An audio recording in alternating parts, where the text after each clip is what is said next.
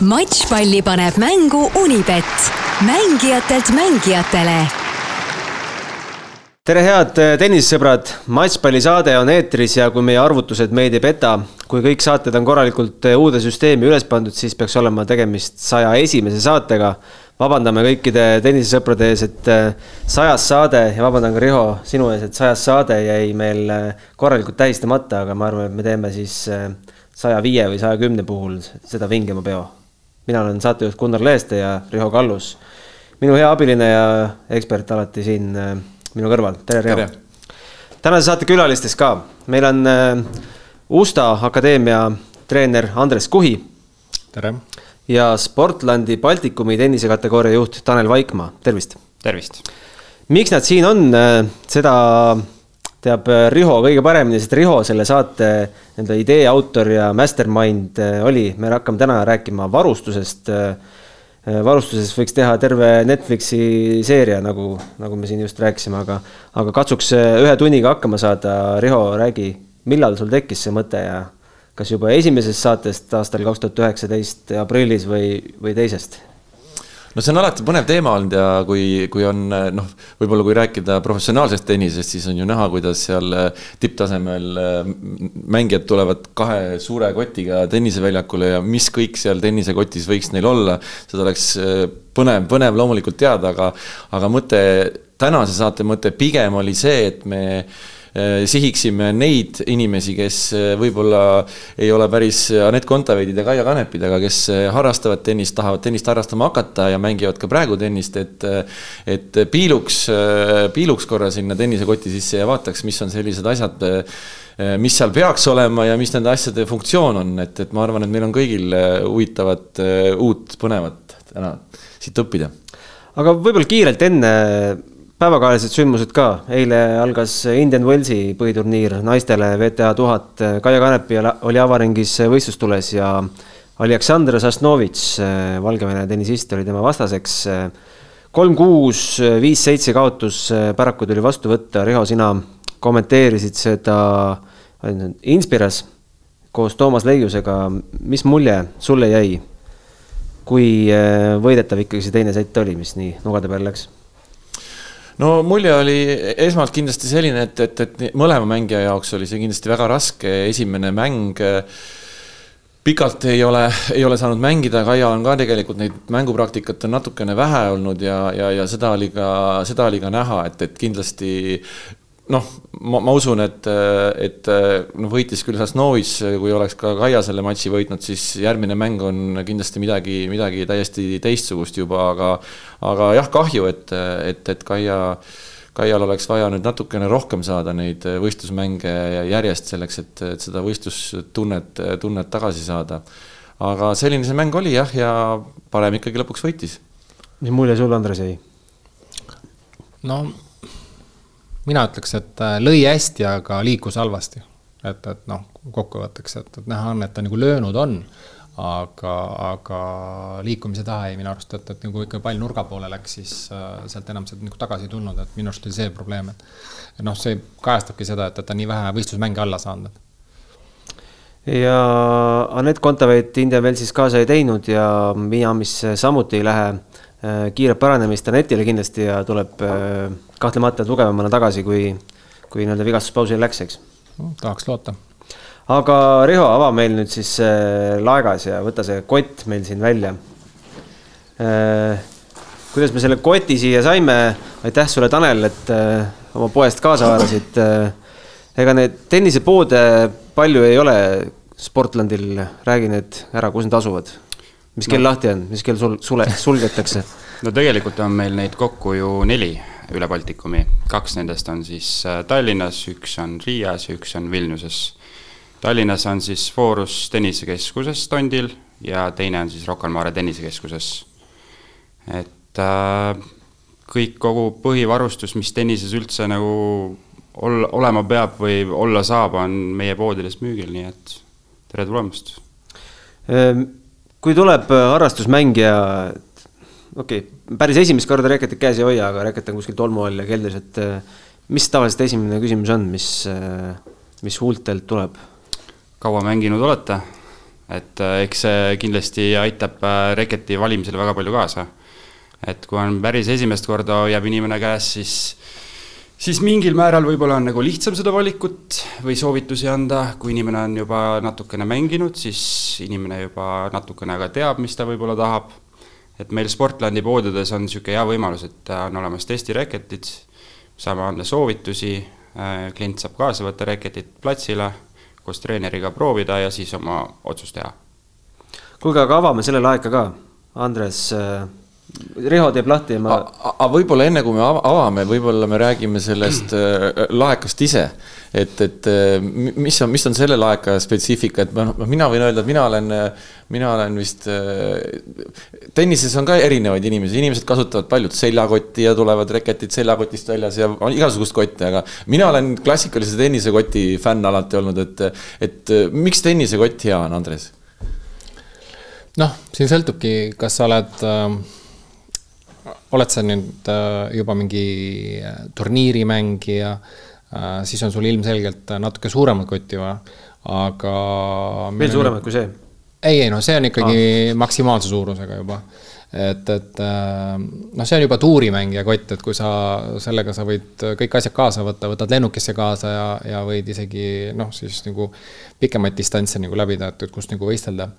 aga on ka olemas palju väiksemad kotid ja, ja kui me räägime harrastustennisistist, siis need väiksemad kotid on isegi nagu mugavamad. noh, sul ei ole sinna midagi liiga palju sisse panna, nagu Tanel ütles, et et kui on äh, ikkagi päris algaja mängija, siis äh, sul on ikkagi neid asju ka vähem, mida sa sinna sisse peaks panema. ja ei ole nagu, kui sa paned siia ühe reketi ja ühe purgi palle ja ühed tossud, siis ilmselgelt see kott on liiga suur. ehk siis, et, et need kotid on samamoodi erinevate suurustega, mille järgi peaks nagu valima, et, et oleks nagu optimaalne, mis sa see, noh, sellest suurest kotist niisama kaasas kannad, et kuigi ma tean, noh, meil klubis ju väiksed poisid tulevad niimoodi, et neil on, ongi üks reket ja ühed tossud ja kõige suurem kott ja noh, seal on see, et, et lihtsalt tahetakse, et oleks see suur kott, aga tegelikult sellel nagu pointi pole, et. no Rivo, Riho, ava nüüd see lõpuks. aga arvestades seda, kui palju meil siin asju sees on, siis äh,, siis, siis peab see olema see kott suur. millest me lähtusime, kui me seda kotti eile pakkisime, mina lahkusin, kui see kott veel koos ei olnud. aga mis siin sees on äh, laias laastus, piirid? Tanel? noh, kõige põhilisemad asjad, reketid, mida on vaja igaks mänguks. Äh, kogu varustus, mis puudutab siis äh, reketeid ja mängimist, pallid, gripid, äh, riided, jalatsid, jalatsikotid, käepaelad, kõikvõimalik. Andres tõi siin hommikul veel mingit muud asju kaasa no, ka. mõned asjad veel juurde jah, siia, et, et aga alustame reketist, reket on ju kõige tähtsam, et äh, mida peaks silmas pidama reketi valikul, äh, ma ei tea, mis tasemest me räägime, räägime, räägime kõikidest tasemetest, et äh, algajad, mida peaks silmas pidama, kui ta tahab oma esimest reketit. mis hinnaga ta peab üldse arvestama? no kui ikka korralikku reketit tahta, siis eks see hinnapiir on seal kuskil kahesaja euro ringis. korralik reket on kahesaja euro ringis mm? -hmm. Need on siis täisgrafiidist reketid. kõik need? jah mm -hmm ehk siis äh, ja mida silmas pidada, on siis kindlasti, äh, tuleb vaadata, kui palju reket kaalub, kui suur on pea suurus, gripi suurust tuleb vaadata, tuleb vaadata raami äh, paksust, mida paksem on raam, seda rohkem nii-öelda power'it annab, mida peenem on raam, seda rohkem kontrolli annab. ütleme, algajad ja harrastajad ikkagi soovitaks rohkem niisuguseid power reketeid, mis annavad natuke mängule kaasa ka et kui päris niisugune kontrollireket võtta kohe kätte, siis võib-olla lööd lihtsalt nina alla seda palli. et. üks esimesi küsimusi, mida tennise kaugemad inimesed küsivad, mis see julla on? see on vibratsiooninupp või nagu Riho ütleb, punn miks see on oluline? noh, see on nüüd selline asi, et äh, kui sa oled ikkagi alustav mängija, siis äh, tegelikult sa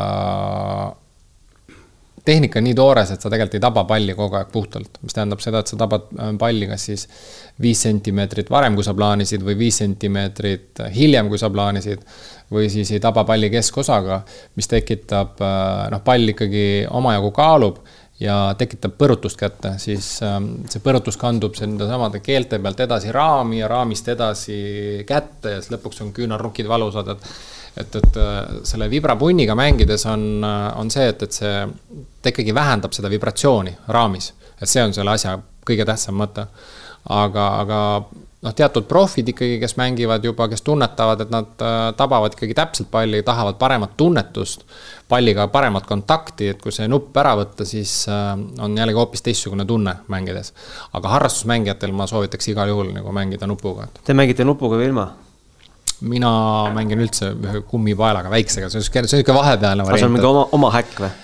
no ta on veel, ta on nagu natukene väi-, ta võtab natukene nagu piirab seda vibratsiooni, aga, aga, aga ta ei ole ka, noh, ta on sihuke vahepealne, ütleme nii, et. vahepealne, aga, aga poisid mängivad siin näiteks just praegust Tammega mängisime, siis Tamm mängib ilma Kennet mängib ilma, et nad noh, ikkagi võistlejad mängivad reeglina no, ilma. ma natukene, natukene võib-olla selle koha pealt äh, vaidleks vastu, et et mina mängin ka nupuga, aga, aga isegi tippudel on niimoodi, et neid tipp, nupuga mängijaid ikka mängivad, leidub. mängivad. ja meestel ka, ei muidugi mängivad. Neid ikkagi leidub, et eh, ei saa nagu selle järgi liigitada, et, et nad nagu ilma nuputa mängijad on. et nagu, on paremad, ei, nagu ei, kindlasti jah, mitte, kindlasti seda, mitte, Djokovicki minu arust mängib nupuga, no näiteks, näiteks et, et äh, noh, aga nad hoiavadki kätt, et neil on koormused ju nii ja. suured, et, et miks nad seda teevad, ongi see, et, et lihtsalt vähendada vibratsiooni. ja mõnele meeldib niisugune tummisem kontakt äh, rohkem kui see niisugune heledam kontakt. nojah, mida Andres tahtis öelda, et kui sa, kui sa kogu aeg selle kohaga lööd, et siis seda vibratsiooni nüüd eriti palju ei ole ja, ja. kui sa nüüd natukene ebatäpsemalt tabad, siis äh, kõik kandub sulle siia kätte. ja nagu me teame ju nii Djokovic, Tsitsipas ja kõik mängijad, et noh, kõigil on ju küünarnukkidega probleeme olnud, et. see, sellest tulebki jah? ei noh, see on lihtsalt, mängivad ju palju ja ikkagi seesama vibratsioon ja, ja tase on hea, pekstakse ikkagi palli ikkagi kõvasti ja lõpuks me oleme kõik inimesed, et, et kuskilt annab ikkagi järgi. nii, meil on siin väike reket ka, kas see on äh, lastele, kes alustavad? Ja noh, see on ikka päris väiksemalt, et tegelikult see on nüüd äh, pikkuse järgi, et reket peaks ikkagi nii pikk olema, et äh, kui sa reketi kätte võtad, et ta sul mööda maad ei lohise. et äh, noh, kui sa oled pikem mängija, siis Tanel saaks endale lubada muidugi vähe pikemat reketit isegi. Paraku, paraku väga ei tehta neid pikemaid. Enam ei müüa vist jah, mingi moment olid, olid longpadi reketid ka müügil ma isegi olen kunagi mänginud sellega, need tulid sellel ajal, kui Michael Chung mängis äh,, siuksed hästi lühikesed mängijad olid, siis äh, tegelikult võistlusnormid näevad ette, et reket võib olla, ma nüüd peast äh, ei mäleta seda pikkust, aga niisugune paar sentimeetrit võib see reket pikem olla. aga seal on ka mingid normid ees, et, et äh, aga mina arust neid enam ei aga tegelikult Wilsonil siiski on äh, see pikema kerega reket, minu arust mängis sellega isegi äh, Williams mängis natuke pikk, selle longpadi reketiga, kui ma nüüd puusse ei pane. kas meil on kõige pikem meesmängija Isner või? või on veel pikemaid olemas? ei no seal tegelikult see ei pea paika, et, et mida pikem vend, et seda pikem reket, sellepärast et tegelikult on pigem vastupidi, et, et sellel pikal vennal on äh, pikk käsi ja siis on see. see tabamise koht läheb sul veel endast kaugemale, et sul on päris raske koordineerida seda tabamist. et selle pika reketiga normaalse kasvuga mängijal on äh, pigem keeruline mängida, pigem mängivad selle pika reketiga äh, Äh, need vennad, kes, kes tahavad siis seda reach'i kompenseerida, et, et noh, näiteks Schwart-, äh, Schwarzmann või, või, või noh, nagu Chang mängis, noh, Changi jaoks tehti pikalt reket, oli Prints tegi talle sihukese pika reketi suure peaga ja, ja pika raamiga, nii et. et noh, see on sihukene.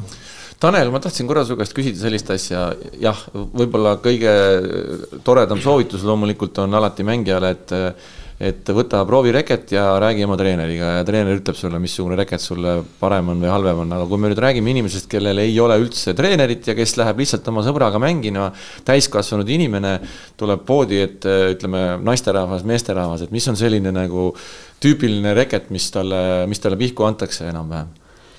nojah, vastavalt siis sellele, kui on tegemist naisterahvaga, siis kaalu poolest võiks ta olla niisugune kahesaja kaheksakümne grammi juures meesterahvale oleneb muidugi suurusest ja pikkusest, võiks ta olla niisugune kolmesaja grammine reket.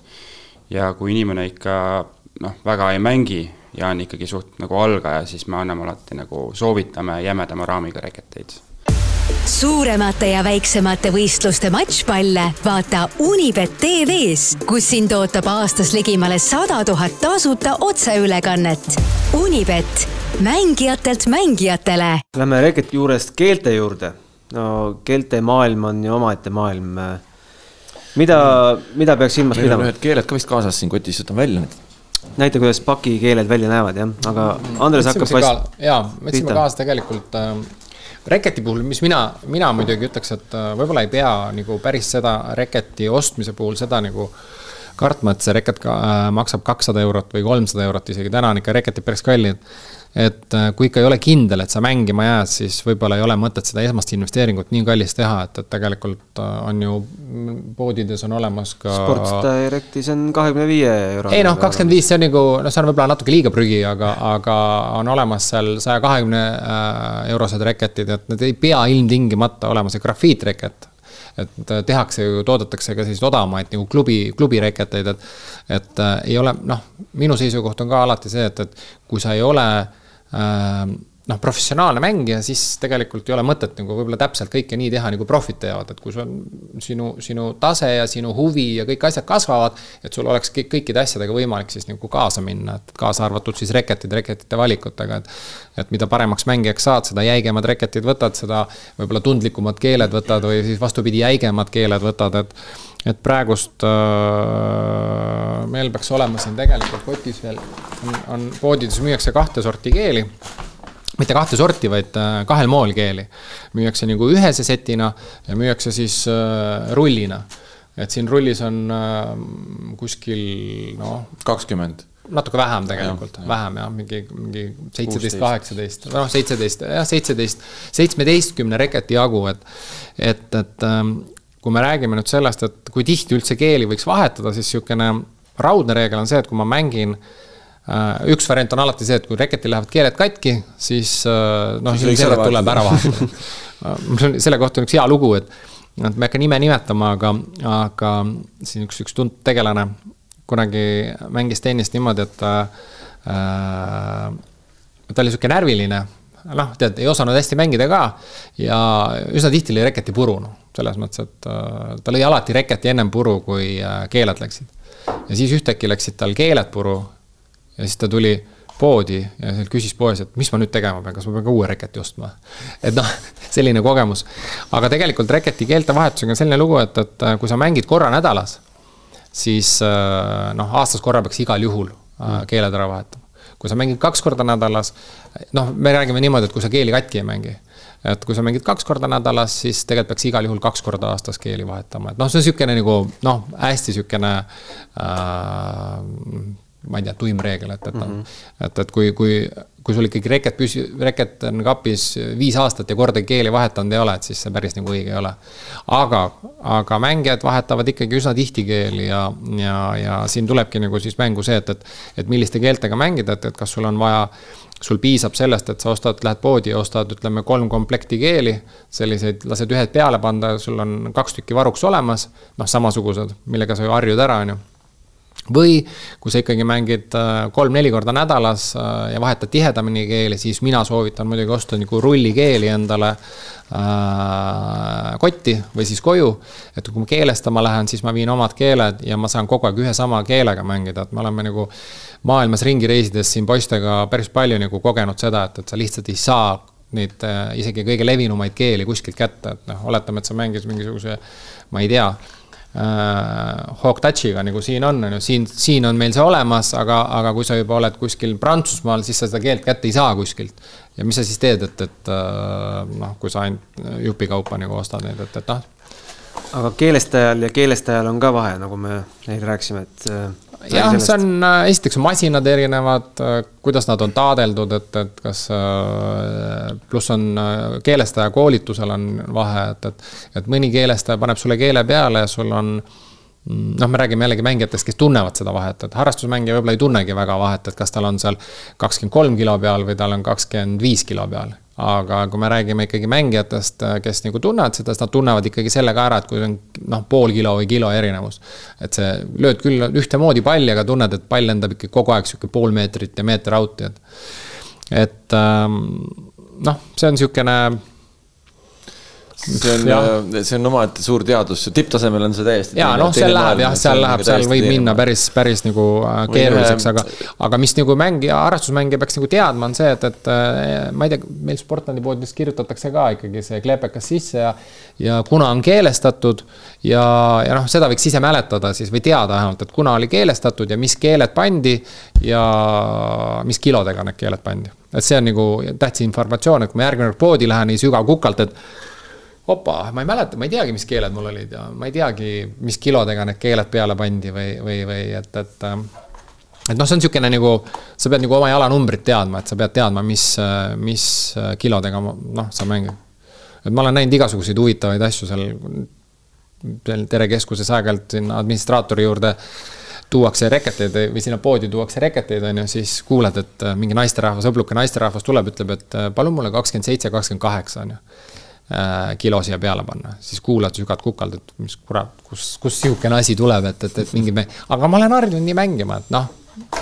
et, et, et tegelikult see, see on nii nagu personaalne, see keelestamine ja keele tugevus, et noh, Kristjani Reketiga täna mängisin, siis ta küsis, et äh, arva ära, et palju mul kilosid peal on, et noh, praegust tal oli küll niisugune äh, kakskümmend kilo, mis on ka, ütleme, mängijate kohta vähe, aga kui ta Kuveidis mängis ja turniiri võitis, siis tal oli kuusteist kilo peal, et et noh, varieerivad need asjad ikka päris varieeru-, noh, varieeruvad need asjad päris kõvasti. jah, see on, äh, mul oli üks lugu, ma tahtsin öelda, et see on täiesti selline, sellest võiks eraldi saate teha, mismoodi see keelestusmaailm käib, aga mul on üks lugu meeles, kui ma olin üks aasta New Yorgis, äh, sõitsin äh, äh, Ameerika lahtistel väljakutele ja minu kõrval istus üks härrasmees, kes kellega ma hakkasin juttu rääkima, kes oli Mardi Fishi keelestaja ja noh, teistel meestel ka nii-öelda tippudel on oma keelestajad ja siis ta rääkis mulle ühe loo eh, Wimbledonis. Tommy Haas oli vist see mängija, et no tavaliselt noh, tippmängijatel võib olla seal ikkagi kümme, kaksteist reketit kaasas, eks ju, ja neid reketeid ka keelestatakse veel eri, erineva tugevusega, sõltuvalt sellest, milline on ilm, milline on niiskus, mis pallid on ja nii edasi. ja siis ta rääkis huvitava loo, et äh, keelestas Tommy Haasile kaksteist reketit ära, tipptasemel kasutatakse ka veel siis nii-öelda natural keelt, et, et mis on siis lambasoolest valmistatud keel ja hommikul tegi talle kaksteist reketit valmis, Tommy Haas läks väljakule, võttis esimese reketi kotist, lõi paar palli, hakkas äh, sadama ja andis kõik need kaksteist reketit uuesti keelestada järgmiseks päevaks, et, et see, see on, see on omaette maailm. me olime ka, Kennetiga olime Wimbledonis ja, ja, ja Kennet mängis siis, Perdihil jäi mäng pooleli. Uh, ma ei mäleta, kellega ta mängis seal ja tal oli vasaku käel sparringut vaja ja Kennet mängis talle vastu. ja siis ma olin väljaku peal, kui talle ka keelestaja tõi nüüd selleks uh, viimaseks setiks uh, reketid. seletas talle ka ära, et näed, alustad sellega nii, ja kui sa, ütleme, siis sa võtad need reketid ja siis need on igaks juhuks selle jaoks ja need selle jaoks, et tõi ka selleks üheks setiks tõi talle mingi, ma arvan, mingi kaheksa, kaheksa reketit. ma ei tea, Tanel, sa oskad võib-olla kommenteerida, kas te müüte seda naturaalkeelt ka, et palju sihuke üks keelestus maksab? Muidugi müüme. no palju sihuke üks maksab umbes, see on ikka no, päris kallis. see on kallis juba. no nelikümmend, viiskümmend eurot. no nelikümmend, viiskümmend eurot, ehk siis võite arvestada, mis see kaksteist reketit tähendab keelestada, et päris suured tööraha ka juurde. tööraha juurde. aga noh, seal on niimoodi, et äh, kui keegi mängijatest tahaks äh, proovida seal äh, noh, selle, öeldakse, et harrastustennise puhul, harrastus, harrastustennisisti puhul on, on mingid teatud asjad, mis ta peab elu jooksul ära tegema. on nägema Grand Slami ma ei mäleta, mis seal veel olid ja üks asi on siis äh, vähemalt korra mängima siis äh, naturaalkeelega. et noh, saada lihtsalt seda nagu seda tunnetust, et aga noh, selle naturaalkeelega on see, et kui sa ostad selle viiekümne eurose keele, siis sellest sa saad teha kaks reketit tegelikult, et ei panna, naturaalkeelt ei panna kunagi niimoodi peale, et sa paned risti ja pikkupidi ainult naturaali, et, et et, et äh, siin on ju ka noh, sa pead ju teadma, miks nad nagu naturaali niipidi või naapidi panevad, et kuidas see reket töötab ja muud asjad, aga noh, seda seletab juba keelestaja. kui ma võtan selle reketi teema kokku ühe küsimusega, kui me näeme, et äh, mängijad, äh, ütleme ta nimi on näiteks Švantek, annab peale matši reketi fännile, siis kui hinnalise kingitusega võib Švanteki reketi puhul eurodes tegemist olla? Noh, see on huvitav küsimus jah mustad ruind, see on täpselt, asjad on täpselt nii kallid, kui palju keegi sellest nagu maksab. no ma ei tea, see on no, tema ei ole selle eest maksnud, tema on selle saanud, on ju no,. aga ma kui tea. ma läheks poodi ja ostaks sellesama reketi, mis Fantekil on. no ütleme nii, et äh, kui mängijad ostavad äh, mustalt turult, äh, kui me räägime mängijatest, kellel võib-olla ei ole teatud reketile, reketitele ligipääsu, et on olemas Wilsonil noh, Heedil ka mingid reketid, millele isegi äh, tuurimängijatel ei ole ligipääsu, sa pead olema ikkagi top sada või top viiskümmend mängijat, saada mingeid reketeid kätte, noh, Margil on näiteks äh, sellised reketid. siis äh, isegi kui sul on agendid, asjad olemas, sa ei saa neid kätte. ja nüüd, kui sa lähed seda nagu äh, mingite mängijate käest ostma, siis need hinnad varieeruvad seal noh, viissada eurot tükk, kolmsada eurot, noh, seal vahemikus, et need on kallid reketid, aga need on hoopis teistsugused reketid. Et äh,. sa tahtsid midagi ei, et siis, siis sa saad lihtsalt tema reketi, aga. ei, mitte demo nagu... reketi, sa saad mängija reketi, kui mängijate käest kuidagi tulevad, ütleme mõni mängija, kes saab. sa päriselt saad Djokovic'i reketi kuskilt osta või? no Djokovic tõenäoliselt ei müü neid, aga, aga kui me mõtleme need äh, mängijad, kes on nagu noh, seal viiekümne peal või, või seitsmekümne peal ja nad vahetavad reketit, neil tihtipeale ikkagi nad ei mängi kõiki reketeid ära ja nad äh, noh, realiseerivad need ära, siis äh, noh, ma tean, mis hinnaga nad nagu müüakse, et noh, viiesaja euroga tükk on noh, näiteks niisugune nagu tavaline hind näiteks H kahekümne kahel. kas me teame, mis reketiga mängib Kaia Kanepi näiteks mm,? ei noh, seda, mis äh, tal on ultra sada vist või? ultra sada jah. ultra sada, aga, aga noh, tal on ka tehtud reket selles mõttes, et on tema järgi, et tal, ma ei mäleta, tal on päris raske reket tegelikult tal on, vähemalt varem oli, ma ei tea, võib-olla ta on äh, mingi moment muutnud neid asju, sest Federergi ju mängis pikka aega ühe sama reketiga, aga, aga siis mingi moment ta tundis, et vanus oli juba selline, et, et ei olnud sihukest plahvatust enam käes ja ja tahtis, et see reket äh, kompenseeriks seda rohkem ja ta tuli kilodega alla ja, või noh, selle grammidega. Ja ei olnud enam kolmsada nelikümmend grammi, vaid oli nagu kergem reket, et, et seal on võimalik reketitega igast imet teha, et sa võid võtta väga kerge reketi ja panna ta tööle samamoodi nagu töötab äh, väga raske reket, muutes lihtsalt reketi balanssi ja, ja swing weight'i nagu. Vot see tegelikult on selles mõttes väga oluline teema, et seda, seda näeb tihti harrastusmängijate juures, kes võtavad omale selle raske reketi ja arvavad, et kui mul on raskem reket, siis ma justkui mängin paremini ja, ja siis on tulemus on, küünarnukk on väga kiiresti vigastatud, et mm, -hmm. et see on väga tähtis tegelikult, tundub küll, mis seal ikka kerge reketiga, samamoodi liiga kerge, kerge reket, jah. et see peab olema optimaalne, nagu Tanel ütles, et niisugune äh, kakssada kaheksakümmend on väga hea, hea kaal, et äh, millega on võimalik äh, väga hõlpsasti mängida, et, et noh, aga kui sa oled, kui sa ise kaalud, noh, ma ei tea, oled saja, sajakilone mehemürakas, siis ilmselgelt sul on ikkagi parem, kui sul on natuke raskem. äh, äh, raskem reket käes, et see noh, seal on mingisugune kuldne balanss, et, et seal mingi kaalu ja, ja, ja reketi, ütleme sinu kaalu ja reketi kaalu vahel, et ei oleks seda, et, et see nagu liiga ülejõuline ei oleks ja siis vastupidi, et, et sul äh, reket liiga raske ei oleks, et et igal juhul siis, äh, kui sa lähed nagu sellest veapiirist välja, siis su tehnika kannatab Lähme siit edasi, teeme Lähme... teemavahetuse, meil on äh, kott veel nodi täis, me ei jõua siin muidu rääkida. Lähme, pallid on päris tähtsad asjad. jah, reketil äkki peaks rääkima ära ka need äh, gripid, enne kui reketite pealt ära lähme. et, et äh, jaa, et äh, tihtipeale, tihtipeale äh, kui ostetakse poest reket, ma ei tea, kas meil päris uut reketit on siin? ei ole. tühja reketit. laste, laste reket. no lastereketil on, et noh, siin on hea näidata, et, äh, et see reket on Äh, ilma siis äh, pealisgripita, ehk siis äh, noh, nimetame seda ikkagi gripiks siis, ma ei tea, eesti keeles tennisistid nimetavad, kõik on see gripp, aga. alusgripp. noh, ta on gripp, on ju, ta ei ole mingi käepidemelind või ma ei, isegi ei oska ütelda, et, et. Pole, ühesõnaga, pole nagu vastet eesti keeles. ja et, et, et, et põhi äh, alusgripiga ja, ja et on olemas nagu kahte grippi tegelikult, me, me vist seda võtsime kaasa küll, on küll. et siin on nüüd tegemist äh, nagu põhigripiga. ehk siis, et, äh, et äh, tänapäeval naljalt enam niimoodi ei mängita, et, et, et on lihtsalt põhigripp ja nüüd ma seda põhigrippi kogu aeg vahetan, et, et äh, vanasti neid, neid, neid pealisgrippe liikus nagu vähem ja, ja vahetatigi neid põhigrippe kogu aeg, et noh, kui reket noh, ikkagi kulus ära käes ja vettis läbi, siis sa vahetasid selle põhigripi ära aga tänapäeval on ikkagi see, et, et võetakse pigem siis ikkagi reket nagu nii palju nagu väiksema äh, mõõduga, et äh, kui sa seda reketi kätte võtad ja, ja ta peaks sul mugavalt käes olema, sa pead arvestama sellega, et siia läheb veel õhuke gripp veel peale noh, seda õhuke gripp on see, et esiteks see õhuke gripp on odavam ja sa saate ka regulaarselt vahetada. noh, tihtipeale see unustatakse ära, aga, aga see on ka nüüd üks põhjus, miks tegelikult mängijatel käed kindlasti nagu kannatavad ja, ja saavad võib-olla vigastada need küünarnukid, on see, et, et hakatakse, reket läheb, unustatakse siis see äh, õhuke gripp äh, vahetada, noh, piisavalt, et noh, see on väga ilus, puhas see on ka enam, see on ka noh, väga ilus puhas reket on ju, et, et need püsivad käes. et ta nagu äh,, sul käsi puhkab et kui sul on nüüd mängiksid noh, näiteks noh, võta kasvõi seesama reket on ju, et kui sul äh, mõni gripp võib sama libedaks minna nagu mm -hmm. see siin kilekattega, siis äh, kui sa seda palli lööd ja kui sa palli tabad natukene tsentrist väljas, siis ta hakkab äh,, läheb seal nagu propellerisse sul see käsi ju. mis tähendab seda, et sa hakkad seda kätt rohkem pigistama ja siis on noh, tead, kange mm -hmm. käega on tehtud liigutused, äh, võtavad selle vibratsiooni kõik endasse.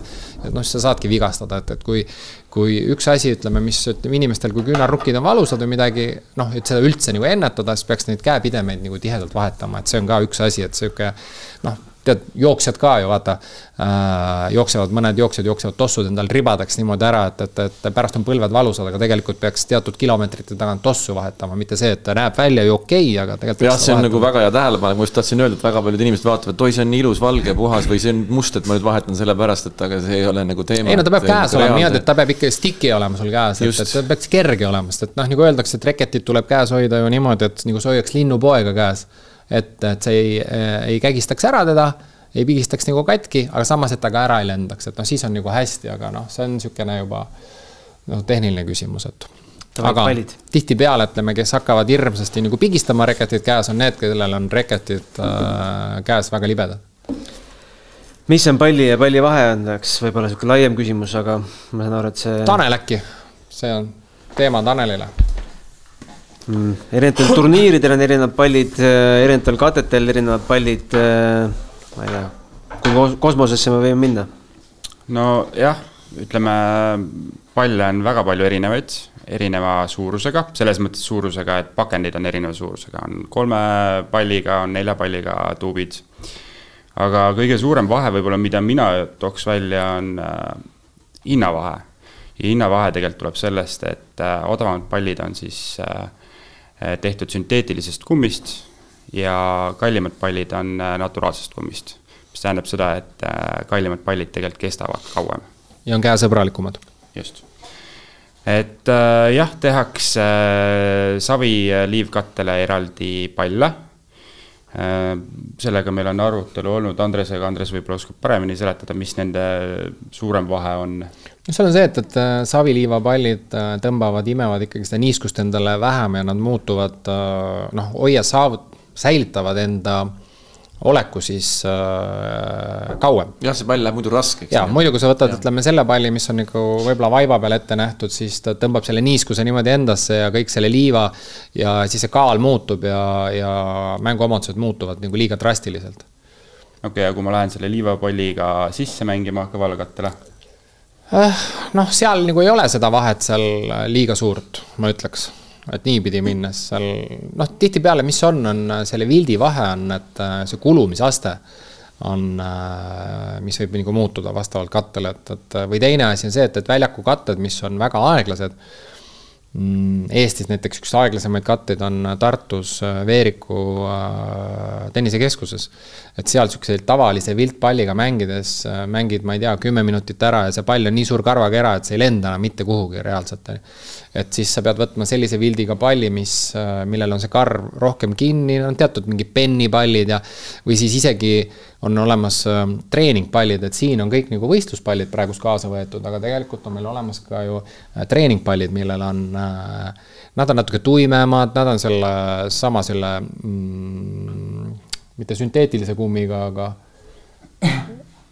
no ühesõnaga, siuksed natuke tuimemad pallid, mis äh,, mis ei ole tegelikult mõeldud, noh, millega ei ole nii mugav mängida, aga noh, nad on nagu odavamad ja kestavad tegelikult väga kaua, et nende pallidega saab siis äh,, neid palle saaks kasutada siis, kui äh, sa kasutad näiteks pallikahurit, et väga äh, ebaotstarbekas oleks äh, osta sellist kallist palli ja sellega täita ära siis pallikahur, et, et äh, pallikahur lõhub seda äh,, seda pallivilti, seda tavalist vilti, ütleme nii kõvasti, et, et see läheb liiga kulukaks, et Riho, räägi meile palli elueast ka, ma arvan, et meil on isegi vaatajaid, kes ei tea, kui palju tihti, kui tihti vahetatakse profi tasemel palle? no profi tasemel on, on kõik väga lihtne, on, on soojendus seitse game'i ja siis üheksa game'i, et, et, et, et nii see kõikidel profiturniiridel on aga ega tegelikult äh, sellel on oma põhjus ja isegi, isegi ka harrastustennises, kui sa harrastustennises mängid, ega siis äh, kõva katte peal äh, on see, ega see pall võib, võib, võib üheksa game'iga juba päris korralikult kuluda, eriti kui tegemist on odavama palliga.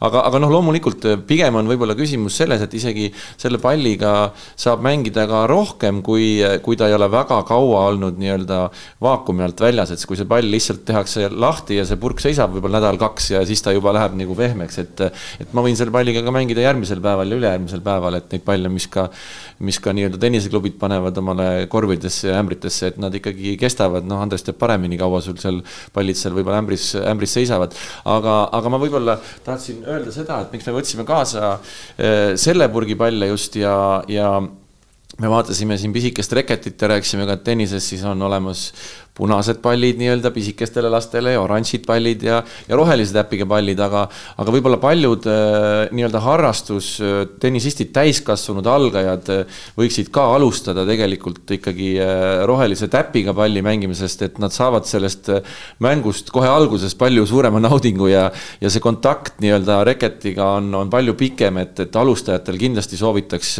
mitte kohe minna ostma endale neid päris kollaseid palle, vaid, vaid, vaid alustada, alustada siit. teine variant on ka see, et, et äh, noh, hea soovitus on see, et kui, kui alati esimene kord purk lahti tehes on väga ebamugav mängida, siis tegelikult selle purgi võiks lahti teha juba eelmine päev või, või siis paar päeva varem. Äh, noh, kui sa oled, kui su tase on äh, noh, ma ei tea, noh, mitte tipptase siis. selge see, et kui, kui, kui Kaia või, või Anett trenni lähevad, nemad võtavad ikkagi selle kõige nagu kõige teravama äh, ja, ja särtsakama palli. noh, löövad seal paar pallivahetust ära ja siis see pall on juba äh, sihuke optimaalne. aga nendel on samamoodi algus esimesi palle sihuke natukene raske lüüa, sest et ta on ikkagi sihuke nagu liimine natukene ja ta on nagu natuke liiga cool äh,. ja raske on mängida aga see on üks hea soovitus, et äh, see purk lihtsalt äh, päev või paar äh, varem lahti teha. ta laseb selle natukene oma vurtsu välja ja siis hakkad mängima, palju mugavam on mängida. noh, teatud pallidega aga kui sa küsisid jah, veel palli eluea kohta, siis palli eluiga sõltub väga palju ka väljaku kattest, et, et, et. mida värskem on väljak, seda rohkem ta seda sööb, seda palli, seda poorsem ta on. vaiba peal ta kestab jällegi nagu kauem, nagu meie majas seal vaip on. kuulge, lähme edasi, kuhu see pall panna, kui ma mängin, kes selle nüüd pakkis? Siin on nüüd äh, püksid.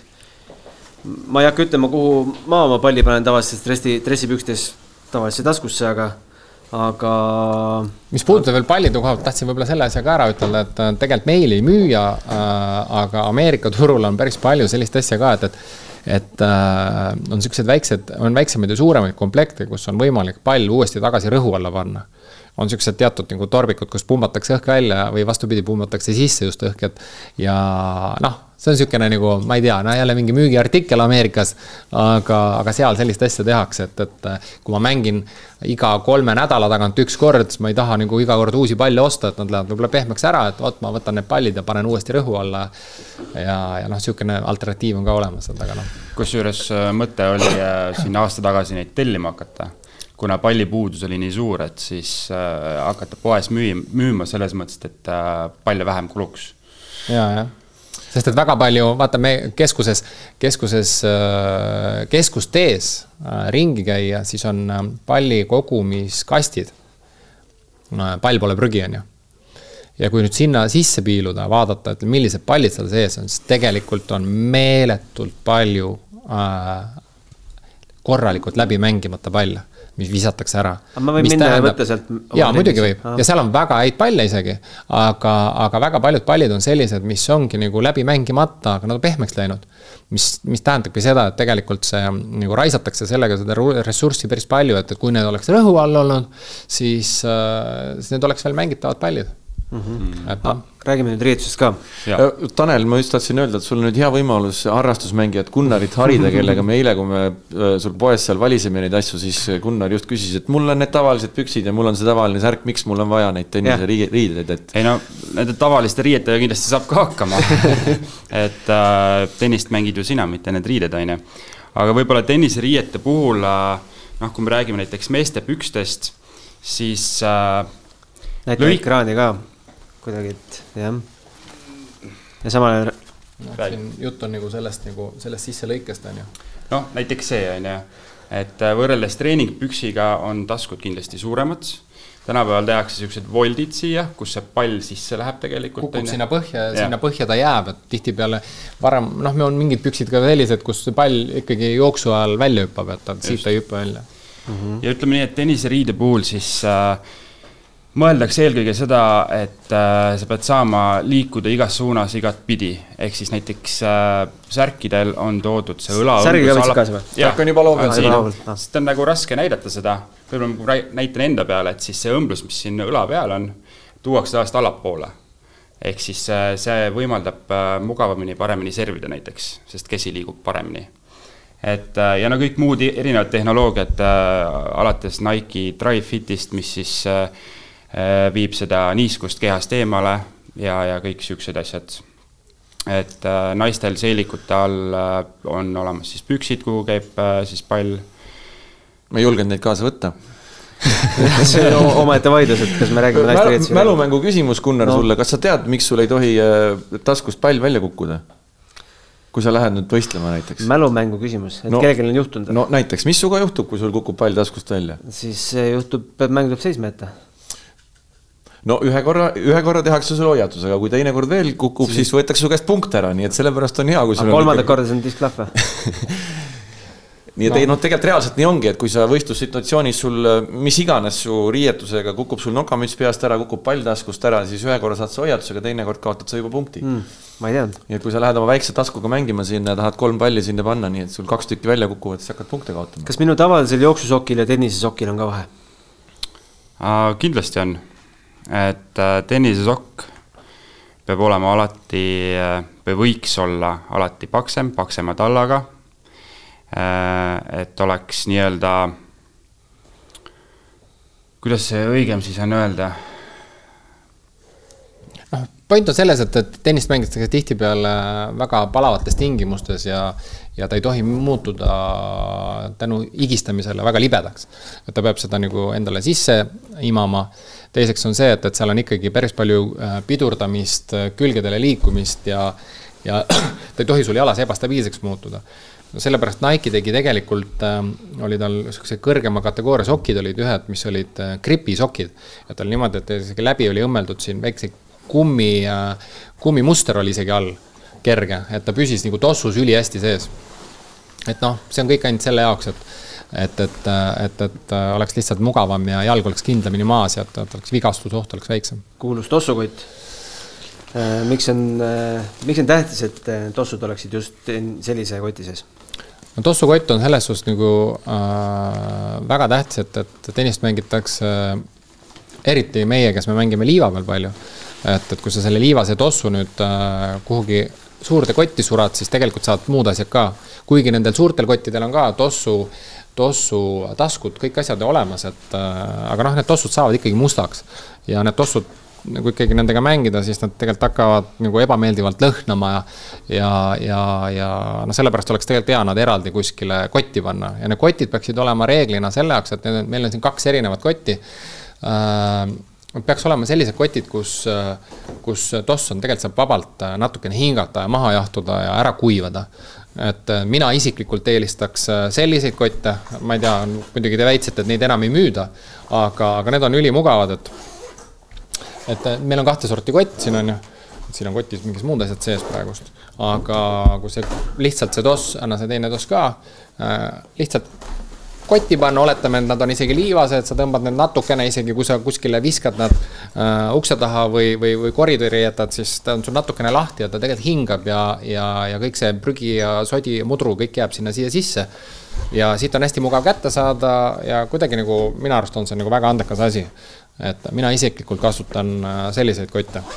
aga on olemas ka teine kott, ütleme Nike'i kott on ka siin väljas, eks ole meil, kus see oli, kus need kotid olid, on ju, et see on niisugune nagu noh, tavalise koti moodi, et, et noh, idee on sama, ta on ka ikkagi hin-, hingav peaks olema, aga noh, võib-olla natukene ebamugavam neid asju, näed, siin on ka nagu õhu, õhuavad jäetud, et, et kui sa tossu siia sisse paned, et ta hingab ja kuivab siin kotis ka ära, et, et kui sa kilekotti paned selle kotti endale need tossud ja nüüd unustad need kaheks päevaks sinna, siis no siis on kellad, noh, selles mõttes siis nad hakkavad niimoodi sul haisema, et Äh, vabandage, ma pean siin saates ikka rumalaid küsimusi ka esitama, et miks ma oma tavalise jooksutossuga ei võiks tulla tennisehalli kattele? see on, see on selles mõttes, äh, eelkõige on see sinu enda tervise huvides. et inimesed, kes, kes lähevad tavalise jooksutossuga või tavalise jalatsiga väljakule võivad väga kergelt oma hüppeliigest vigastada, et tennises on see, see on nagu kõige esimene asi. et eh, loomulikult järgmine asi on see, et sind ei lubata ka tennisekeskuses väljakule, kui sa lähed kuskile noh, siseväljakutele ja ka liivaväljaku, sa lõhud selle väljaku katte ka ära loomulikult selle tossuga. määrita ära. jah, määrita ära, jah. sest need reeglina, see tennisetossud on non-marking tossud ja, ja noh, Riho jutt on kõik väga õige, aga ütleme, äh, kõige tähtsam asi ongi see, et, et on olemas tossud, mis on mõeldud külgliikumise jaoks ja on olemas tossud, mis on liiku- äh,, otseliikumise jaoks siis, eks. et tavaline jooksutoss on ikkagi otseliikumise jaoks äh, disainitud ja, ja, ja sellepärast on tal nagu väga järsud nurgad, aga ka tennisetossul on ümaramad nurgad ja kui sul nüüd jalg juhtub, et ta isegi külje peale läheb, et sul hüppeliiges nagu võiks nagu minna, siis see üleminek on nagu pehme ja sa jõuad veel reageerida ja tegelikult tegelikult tõenäosus, et sa hüppeliigese välja väänad, on nagu väike. aga, aga jooksutossul on see hästi terava nurga all ja sealt, kui see nõks ära käib, siis ta läheb nagu täiega, siis on igal juhul. Äh, räägi Tanel hinnaklassidest ka. oh, hinnaklassid on jälle otsast kui kallist äh, indiviidi ma käes hoian? no see on sihuke saja neljakümne eurone mm -hmm. jalats. et äh, toon veel näite, et kui sa rääkisid jooksutossust, siis tegelikult antud toss on äh, jooksutossu kujuga. aga mis äh, tennise jalatsile annab stabiilsust, on jäikus võrreldes äh, jooksutossuga. jooksutossu sa võid painutada, aga tennisetoss absoluutselt mm -hmm. ei paindu. et see on ka üks, üks kõige suurem vahe. teine rumal küsimus, kas ma oma tennisetossuga võin nüüd metsajooksu minna tegema? Sa võid, keegi ei keela sind, aga. mugav see ei ole. no see on vähe parem variant kui metsatoss, see on vähe parem variant kui teistpidi teha. aga kuna ta on jäik, siis äh, jah, mugav ta ei saa olema. teiseks, äh, tennisetoss on tavaliselt äh, ikkagi raskem kui jooksutoss no me võime veel sellest ka rääkida, mis siin tossu all toimub, vaata no, et, et, et, et siin on nagu hästi näha, et see konkreetne toss on nüüd siis äh, liivaväljaku toss ja see on nüüd täiesti sileda ja mustrilise tallaga, et, et. sellega ma kõva väljakule tulla ei või või? no sa võid sellega kõval väljakul ka mängida, aga see toss kulub sul väga kiiresti ära, et, et see on nagu, nagu sul on talverehvid ja suverehvid põhimõtteliselt, et. et kui sa kõva katte peal mängid, siis, siis sul jah, noh, esiteks ta muidugi võtab sul väga palju sealt kinni, jalanõu, aga, aga see, see, see on jah, nii-öelda natuke nagu talverehv rohkem, et see see, see nii-öelda. tõmbab hästi, muster läheb hästi ruttu ära. muster kulub väga kiiresti ära, et, et Tanel teab rohkem, paremini, aga on olemas ju liivatossud, kõvaväljaku tossud, muruväljaku tossud, vaibaväljaku tossud ja kõigil on erinev, erinev nii-öelda. spetsiifika. spetsiifika. kuulge, mulle ma ütlen ausalt, mul läheb tennise isu kohe ära, kui ma vaatan, mis asja ma pean nüüd soetama, et Tanel, võta mu hirmud maha, kas ma võin nüüd, võin nüüd ikkagi tennist edasi mängida oma tavalise otsusta ära, mis kattel sa mängima hakkad ma käin äh, kõvaväljakul siis, siis ostetakse ikkagi kõva väljaku tossud, aga ütleme nii, et äh, mõistlik ikkagi kaks paari tosse, ühed välistossud Äh, liiva peale, teised sisetossud, sest et äh, tõesti nendega sees mängides kõvakattel on pidurdus väga järsk ja see on nüüd väga ohtlik tegelikult jalgadele. ja eriti ohtlik vaiba peale, kui ja. sa lähed sellega näiteks. et äh.... aga kui ma mõtlen, et ma lähen nüüd Wimbledoni ja mõtleks, et kasutaks ka mõnda sealt muruväljakut, mis on nii-öelda tavakasutusse. ei, sind ei lasta väravast sisse üldse, Gunnar. ei, Wimbledon park, Wimbledon pargis on mõned kogukonnaväljakud okay.. ma nägin Wimbledoni see ukse peal oli suur silt oli ka seal, et palun mitte siseneda liivatossudega, liivaväljaku tossudega üldse. kuigi ma ütlen, et äh, liivaväljaku toss äh, võiks seda muru isegi vähem lõhkuda kui. kui murutoss äh,. no turniiri lõpuks ongi liivaväljak. murutoss on siis tegelikult natuke nagu võib öelda väikene. pigem on see niimoodi, et pigem on see niimoodi, et öeldakse, et sa ei tohi selle murutossuga tulla liivaväljaku peale, sest siis sa keerad selle liivaväljaku kaevad niimoodi üles, et see on ikka ebareaalne Äh, natuke tasustamata reklaami ka, Tallinna Open, selle on küll Riho siia pakkunud, pakkinud meile. ei usu. Äh, tuleb või ei tule iga saate kohustuslik küsimus. ja aga, aga jällegi äh.... sa viid teema eemale kohe, tuleb või ei tule räägime nüüd joogipudelitest. et äh, aga jällegi nagu hea näide, esiteks nagu see, et, et, et võib-olla sa ei, sa ei pea alati endale, endale seda veepudelit ostma, et kui sul on see pudel olemas, täida see kodus ära ja, ja sul on kogu aeg üks seesama pudel värske kaasas, vesi olemas. värske vesi olemas, et tegelikult see noh, tennisemängijal on see ju iga, iga treeningu igapäevane väga vajalik asi, et kui sul ikka vesi maha jääb, siis on see on väga tähtis asi. absoluutselt äh,. mis see? See on, äh, see on rull. Mm, see on nüüd juba natukene see, see, see ei puuduta nüüd otseselt mängu, aga see puudutab siis äh, võib-olla siis enne mängu ja peale mängu, et harrastust, harrastusmängijad, kui Äh, natukene rohkem mängivad, siis äh, ikka jäävad mingid kohad nagu valusaks, et, et noh, näiteks see konkreetne rull on tuhara ja reie rullimise jaoks või selja rullimise jaoks, et, et noh, see on lihtsalt nagu väike, panin siia kaasa, nagu olemas ju pikemad rullid, et et, et peale mängu tegelikult võiks, kui sa oled ikkagi jooksnud, seal on külgsuunalist ootamatut kiirendust, pidurdust on nii palju, et, et tegelikult see on ikkagi kehale mm, natuke lõhkuv siis äh, tegelikult võiks nagu enda eest hoolitseda ja pärast siis need suuremad lihased, eriti nagu äh, tuharalihes, lihase äh, läbi rullida, et, et äh, noh, muidugi saab ka venitada, aga noh, rull on näiteks väga hea asi. et siuksed väiksed rullid, kui on olemas tennisekotis, siis mina paneks selle igal juhul kotti, et see oleks äh, mitte, et seda iga kord võib-olla tegema peaks, aga, aga kui sa ikkagi jooksed ja pingutad, siis tegelikult see oleks mm -hmm. jällegi vältimaks vigastusi. Äh, meil on siin käepaeled ka, eile saime varustuspakkides teada, et äh, ega käepael ei olegi ainult äh, higi pühkimiseks, milleks veel noh, jah, me Taneliga hakkasimegi eile vaidlema, Tanel ütles, et, et, et tema pühib sellega ainult higi, aga tegelikult äh, noh, minu mängijad on kõik seda kasutanud ikkagi selle jaoks, et äh, peopesa, et higi ei valguks käest äh, reketi peale. ehk siis tihtipeale, kui kuskil noh, ma ei tea, näiteks Floridas, kui mängida näiteks, noh, seal on päris sihuke niiske, siis reket hakkab, sa ei jõua neid õuergrippe nii tihti vahetada, et reket läheb lihtsalt nii märjaks et äh, kui noh, kui see käsi on tihtipeale all, kui sa jooksed, siis see higi jookseb mööda kätt, jookseb peopesasse, läheb reketisse, reket läheb, muutub niisugune kahekümne minutiga nii märjaks, et et, et noh, näiteks Kennet vahetab noh, mängus ikkagi mingisugune neli-viis käepaela, et tal peavad olema alati need käepaelad, kuigi tema ei ole veel mingi megahigistaja, et et äh, Kristjan näiteks higistab rohkem, äh, noh, selle, sellest tuleb ka see, et, et kui su, kui sa higistad rohkem, siis tegelikult on olemas ka siuksed pikemad käepaelad, eks ole, need on siuksed nagu kitsamad. sa mõtled seda?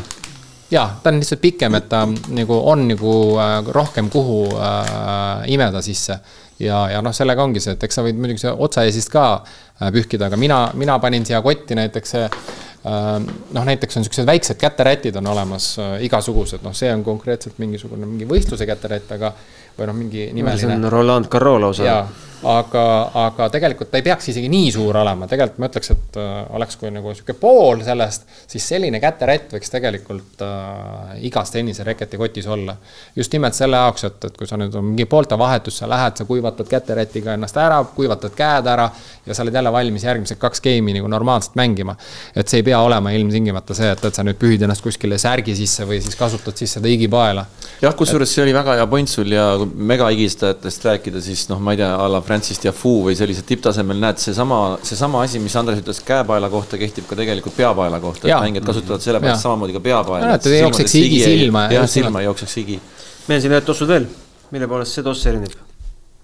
see nüüd on äh, kõvakattetoss. tegemist on siis kõige uuema Vapor üheteistkümnega, kus siis äh, õhkpadi on äh, lisatud ka jala et, eesotsa nii-öelda see on naiste toss või meeste toss? see on meeste toss et äh, rääkides veel jalatsetest, siis äh, jalatsetel on erinevad raskused. et kui sa oled niisugune minusugune, kes äh, eelistab mängida ainult, jah, kes eelistab mängida ainult tagajoonel, siis äh, soovitatakse raskemat tossu. see annab stabiilsema ja kindlama nii-öelda Äh, selle asendi. kontakti. kontakti maaga ja. ja raskem võrku joosta, et kergema topsuga on kergem võrku joosta. ja tegelikult nii on niimoodi, nii on jah, et äh, see teine on nüüd kergem, et see võib-olla on sihuke, sihukesele mängijale, kes äh, tahab sinna nii-öelda võrku tungida kohe. on olemas all court player'id ja noh, see on aggressive baseliner, et noh, see on pigem on, kellest Tanel räägib, on praegust nimetatakse, ingliskeelne väljend on aggressive baseliner, et kes püsib kogu aeg joone taga ja jalg maha ja muudkui aga sealt uhmerdab või, või siis on teine vend, kes on mingi Federeri sugune vend, kes lendab, tuiskab üle väljaku ringi, siis temal on ilmselgelt kergem toss jalas. meil siin nokamüts ka. jah, ütleme nii, et kui välitingimustes või isegi mitte välitingimustes, aga, aga nokamüts on, käib tennisemängu juurde, et, et mõnikord mõnes saalis isegi on valgustus sellise nurga all, et, et sul on ebamugav mängida, vaata, hakkab jubedalt silmadele. aga. ma olen siis ise modell no see teema just ju oli Kaial siin, Kaia ei kasuta vaata mütsi. jah, et mõned mängijad kuidagi ei ole nagu harjunud seda kasutama, et aga, aga, aga tegelikult noh, naised kasutavad tihtipeale nokkasid ja. lihtsalt silmi noh, et, et lihtsalt sirmi jah, et selle jaoks, et jah, eriti Aasia mängijad kasutavad neid sirme rohkem, et, et kui sa, sest selle mütsiga on jälle see lugu, et, et äh, peaga on niisugune naljakas lugu, et, et see kui me higistame ja jookseme ja siis peatemperatuur ju tõuseb, et, et see tegelikult see, see aur peab kõik nagu välja, pea saab nagu, peab jahtuma tegelikult, et sul mõte töötaks. et sellepärast mina olen oma mängijatele alati nagu käskinud ka poolte vahetusel alati mütsi peast ära võtta mm. -hmm. et sul terve mängija oleks müts peas, et pea saab natukene hingata. aga miks Kaia ei mängi mütsiga? eks see on mingi harjumuse küsimus noh, see on harjumuse küsimus, mina ka ei suuda mütsiga mängida. nojah, jah, seda küll, jah. mõned ja. on just harjunud äh, ilma mütsita mängima, aga tegelikult ikkagi kuskil soojal maal mängides, kus päike on väga ere, siis on äh, noh, see on päris ebamugav mm. -hmm. Tanel võib-olla teab ka veel nüansse, et noh, tennise mütsil on alati nokk on sees tume no see ongi selle jaoks, et, et ülevalt silmadele ei hakkaks just, see valge. just, ja et, et noh, nii-öelda peegeldust, aga, aga ma mäletan ühte lugu, Jürgen läks äh, Wimbledoni mängima valge nokamütsiga, Wimbledonis peab kõik valge olema, aga nokk oli sees tume ja ei lubatud väljakule pidi, pidi mütsi ära vahetama, nii et. mis lubati, nagu meid lubati musta asjaga väljakul, Wimbledonis oli see, et, et. treeningul ju võib. treeningul vist võib, jah ei ole või? treeningul käiakse seal ikkagi noh, oranži aluspüksi ja kõike, aga. ei, ei päris nii ei ole seal ikkagi. olen näinud küll. no noh, võib-olla seal tagumistel väljakutel jah. aga, aga meil oli selline juhus, et mäletan esimesel aastal Wimbledonis, kui Kennet mängis, siis, siis tal oli äh, just olnud hüppeliigese vigastus ja meil olid jalaortoosid ja me ei saanud valget ortoosi, siis me mõtlesime juba, et me peame hakkama värvima, ostsime mingisugust äh, sedasama selle Reketi marker valge värviga, mõtlesime, et me värvime selle ortoosi ära. ja, ja aga tegelikult sellise asja, kui sul on vigastus ja sul on äh, meditsiiniline nagu luba olemas nagu selle jaoks või ette, ettekirjutus, siis tegelikult see võib olla ükstaspuhas, mis värvi et, et äh, siis Kennet mängis mustade jalartoosidega. kas see värvivärk on ainult Wimblis või on nendes äh, teistes muruturniirides ka Inglismaal? muru peal on jah, ikka Muru on teistel ka jah, tal on see etikett. hakates äh, vaikselt varustuse teemat kokku võtma, Wimbliga seoses, mis seis üldse Wimblil praegu venelaste ja valgevenelastega on? mis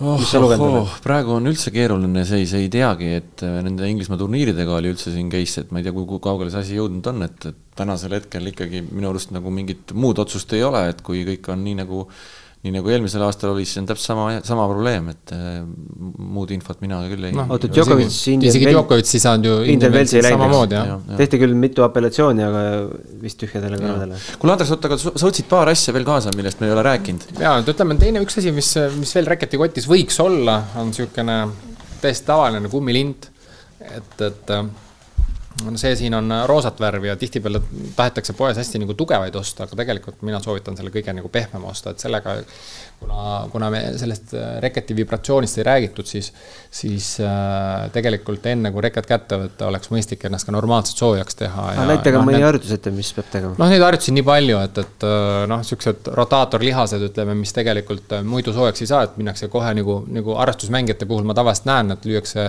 kaks minutit lüüakse üle võrgupalli ja siis ühtegi soojendusservi ja hakkame nüüd punkte mängima, et tegelikult noh, see on esimene asi, mis tähendab seda, et, et sul üsna ruttu on oodata mingit õla, õlaliigese vigastust, et, et aga tegelikult peaks nagu lihased toonusesse viima.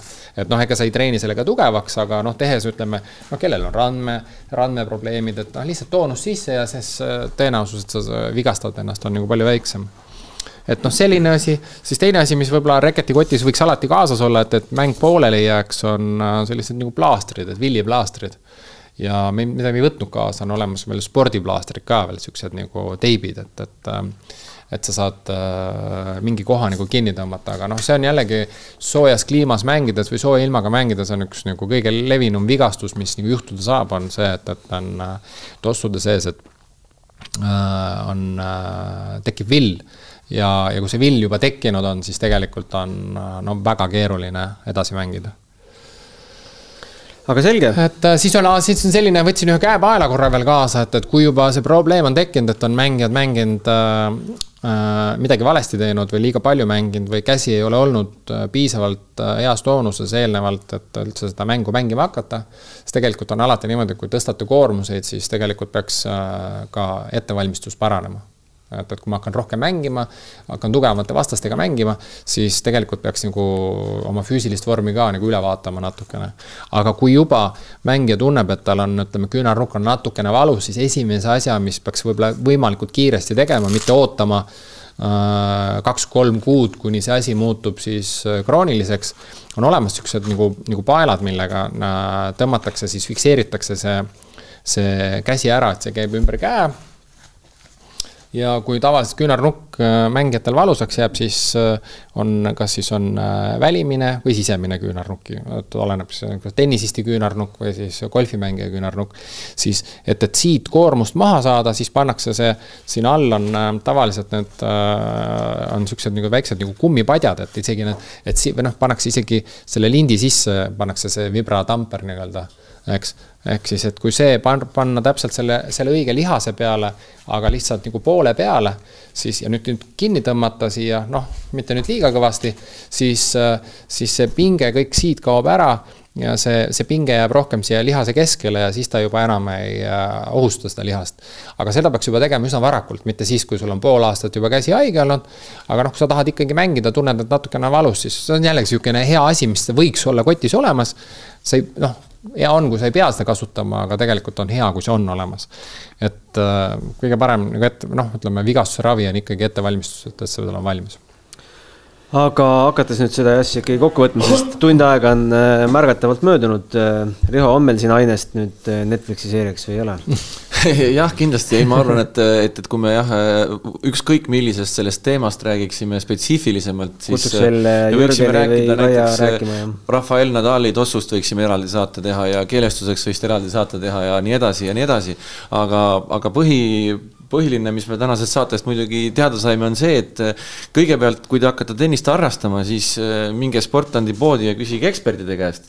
esiteks ja loomulikult, kui te hakkate tennist harrastama treeneriga, siis äh, teil on olemas inimene, kes on kogenud ja teab, küsige treeneri käest, et enne kui te midagi ostma tormate, kõigepealt testige, teil on võimalik testida, teil on võimalik proovida, et et see, te ei pea seda kõike teadma no ei saagi seda teada, et, et äh, kõige kehvem variant on see, et, et minnakse ja ostetakse midagi värvi järgi. just, just, no Tanel seda mainis siin, et keelestust ostetakse väga tihti värvi järgi aga loodetavasti sellest saatest ikkagi keegi midagi sai teada. mina sain küll väga palju uut informatsiooni, mis vajab nüüd natuke läbitöötlemist. enne kui ma uuesti väljakule saan minna. vist midagi muud ei olnud siin või? sa said uue kliendi võib nii öelda ka, aga selge aitäh, suur, suur tänu tulemast no,. eile veel millest sai no. juttu, võib-olla kui tossudest rääkisime, et, et kui me räägime mingist väiksest asjast, mis võiks veel võib-olla kotis olla, on äh, näiteks mingid varuasjad, et äh, et kui sa oled juba mängija, siis sul võiks olla reketeid kaks, eks, millest me ei rääkinud. et kaks ühesugust reketit, kui sul mängu ajal juhtub see, et sul lähevad keeled puru, siis äh, sul on teine identne reket nagu olemas. või teine asi on see, et kui sul tossupaelad juhtuvad, mõned mängijad rabelevad niimoodi, et äh, libistavad näiteks selle poolega kõvakattega väljaku peale, tossupael läheb katki, siis tegelikult oleks jube hea, kui äh, sul on mingisugune äh, lisa, lisatossupael ka, varu, varutossupael ka kotis olemas. et noh, neid ju poodides müüakse ka, et, et äh, see on sellised väiksed elementaarsed asjad, aga võib-olla selle peale ei tule lihtsalt. jah, ja võib-olla mida me siia ei pannud, me oleks võinud siia panna ka võib-olla kolm banaani ja mõned batoonikesed. no need on jah, selles mõttes, et just nimelt. teeme nendest batoonikestest eraldi saate. aga mis ma tahtsin öelda, aitäh, Andres ja Tanel tulemast. ja aitäh, Riho, see oli meie saja esimene saade, saja teine saade, Riho, tuleb, tuleb vist niimoodi, et sina lähed reisule või? mina lähen reisule jah, mina Reigu, lähen, mina lähen äh, mängima seenioride võistkondliku maailmameistrivõistlusi. kes võistkonnas on? võistkonnas on, äh, on äh, vennad Pakid meil ja siis Raido Rätsep, aga mm., aga seal on ka naiskondi ja seal on veel võistkondi erinevates vanusegruppides, nii et. ja siis mina helistan sinna ja sina räägid, kuidas, kuidas sul see võit, võidumäng läks. vabalt aitäh kuulamast-vaatamast, kõike head. matšpalli pani mängu Unibet, mängijatelt mängijatele